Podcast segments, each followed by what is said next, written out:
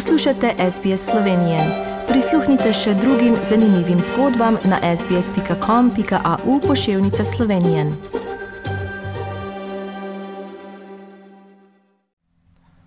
Prijazen pozdrav, spoštovani rojaki.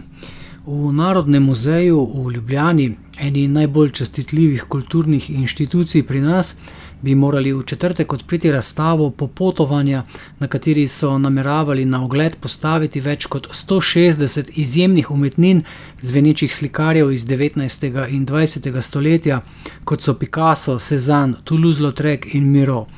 Razstava naj bi v muzej pritegnila ne le slovenske, ampak tudi tuje obiskovalce. Skupna vrednost umetniških del naj bi bila ocenjena na vrtoglavo milijardo evrov, Narodnemu muzeju pa naj bi jo posodila družina Bolkovac. Toda na mesto spektakularne razstave smo dobili kulturni škandal brez primere, ki že odmeva daleč preko slovenskih meja. Sodeč po katalogu del, ki naj bi bila razstavljena, so strokovnjaki namreč ne mudoma ugotovili in opozorili, da gre pa vse verjetnosti za ponarejene umetnine. Dovolj je, da se vsaj malo zanimate za umetnost in takoj vam je jasno, da to niso originali, je za slovenske medije povedal umetnostni zgodovinar Brane Kovič, njegovo izjavo pa so povzeli številni tuji mediji. Enakega mnenja je celotna umetnostno-zgodovinska slovenska stroka. Sprva sploh ni bilo jasno, kdo je lastnica zbirke družina Bolkovac in s čim se ukvarja, saj je njihovo ime popolnoma neznano pri nas. So pa v hrvaškem jutarnjem listu poročali, da naj bi bile slike iz zbirke Nika Bolkovca, nečaka hrvaškega politika, ki je pri sosedih znan po obtožbi za vojne zločine in sumljivega trgovca z umetninami Josipa Bolkovca. Družina ni komentirala avtentičnosti del, so pa izjavili, da so vsa dela kupovali na javnih dražbah.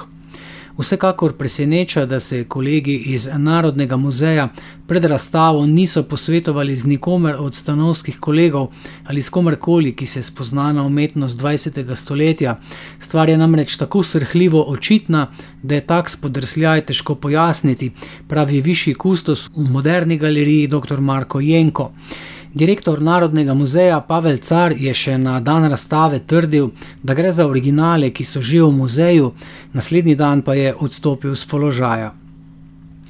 V tednu dni, odkar imamo novo vlado, med zgodbami, ki so priplavale na površje ob zamenjavi oblasti, najbolj odmeva priporočilo slovenske varnostno-obveščevalne agencije Sova ministrom bivše vlade, naj v imenu varovanja nacionalnih interesov takoj uničijo svoje mobilne telefone in prenosne računalnike, ki so jih uporabljali pri svojem delu.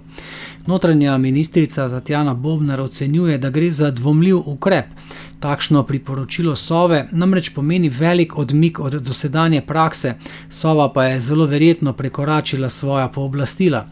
Do zdaj je namreč veljalo, da so morali predsedniki vlad, ministri in drugi javni funkcionarji ob sestopu z funkcije vrniti kriptirane in druge telefone.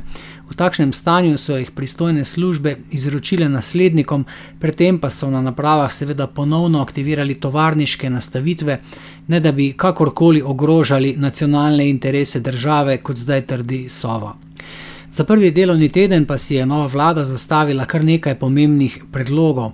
Med njimi so predstavitev interventnega zakona na področju zdravstva ter predlogi ukrepov za preprečevanje draginje, kakršne že sprejemajo v številnih evropskih državah.